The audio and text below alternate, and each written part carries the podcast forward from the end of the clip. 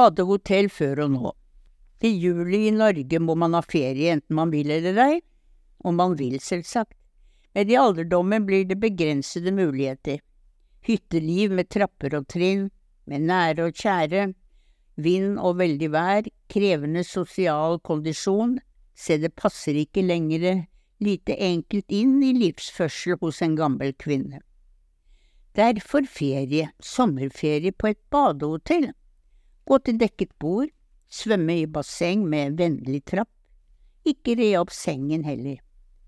Lykkeligvis har man funnet sitt dyre og deilige oppholdssted, så vel for sommer som påske og vinter med. Man har blitt stamgjest, det har sine klare fordeler. Ikke bare blir man smilende gjenkjent, men man får den personlige service som man har lagt seg til, og som trengs. Pluss at man kommer liksom hjem. Det trives man med når man skal hjemmefra på eldre dager. Det er for øvrig merkunderlig at å ha norsk hotellferie oppleves som luksus og råflott. Når man drar utenlands på ferie, bor man jo stadig på hotell, selvsagt, og det er for voksne folk som er forbi ungdomsherberget, ganske så kostbart, men det hører naturlig med i planen. Man drar kortet uten særlig motstand. Norske måltider på restaurant og hotell synes man er dyrt. Måltider i utlandet er greit, også dyrt, men altså greit. Da man var barn, tok mine foreldre med min søster og meg på hotellferie, på badehotell på Hvaler og Tjøme. Min mor, som ikke likte ferie, hun ble med på den betingelse at hun ikke skulle måtte lage mat, derfor hotell. Men foreldrene mine hadde en viktigere plan. Vi barn skulle lære å oppføre oss. På hotell og på restaurant blant voksne mennesker, sitte stille til bords, spise, også fremmed mat, i det hele tatt en ferie i en voksen verden, altså som barn. Hotell den gang hadde ikke eget opplegg for de små gjester, ikke ungdom heller, for den saks skyld. Jeg kan ikke huske at jeg kjedet meg, for øvrig var man vant til å måtte kjede seg, men at det var spennende og annerledes. Vår familie ble også plutselig annerledes, der vi satt pent og stille og hyggelig rundt bordet.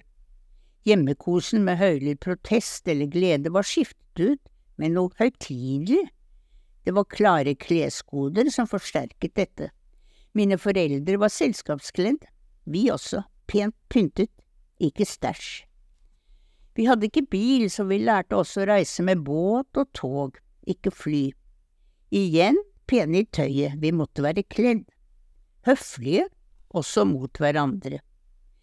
Jeg har nettopp avsluttet juliferien i år på mitt badehotell. Nå er mye annerledes hva gjelder familiekultur.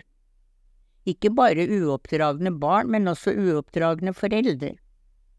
Det er fri flyt av antrekk, selv til middager om kvelden, og flere gjester på nabobordet feiret kanskje 60–70-årsdag med flagg. Rundt omkring i restauranten kom da unge familier med unge barn, som var i fri flyt både til og særlig fra måltidet. Høylytt energi og høylytt stolthet over vellykkede barn, som var så sjarmerende. Og i lyse julikvelder til langt på kvelds. Mange voksne hadde også blitt enige om restaurantmiddag på hotellet, de kom enten opp fra båten eller fra hytten i nærheten. De hadde flagrende utesommerklær, ikke minst herreshorts i glade farver. Frodig fellesskap på alle måter. Faktisk trives man med suksess, både for hotellet selv, men også med trivsel i trengsel. Like fullt til undring over støynivå og struttende selvrealisering.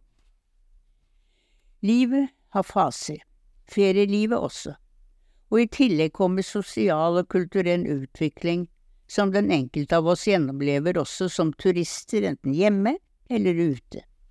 Fellesrommet mangler vi en alderdomskultur på mange plan. Det yrende ferielivet som folk flest heldigvis har muligheter til å oppleve, det kan man forundre seg over. Det er så rikt og spennende, ganske enormt. Verden er blitt liten, eldre mennesker kan også takk og lov feriere, men det er utfordrende fordi alder hemmer både en selv og omgivelsene. Uansett gjelder det å ha respekt for kjente og ukjente medmennesker i alle aldre, vise respekt og ta hensyn, ikke minst på norske badehotell. Prøv selv.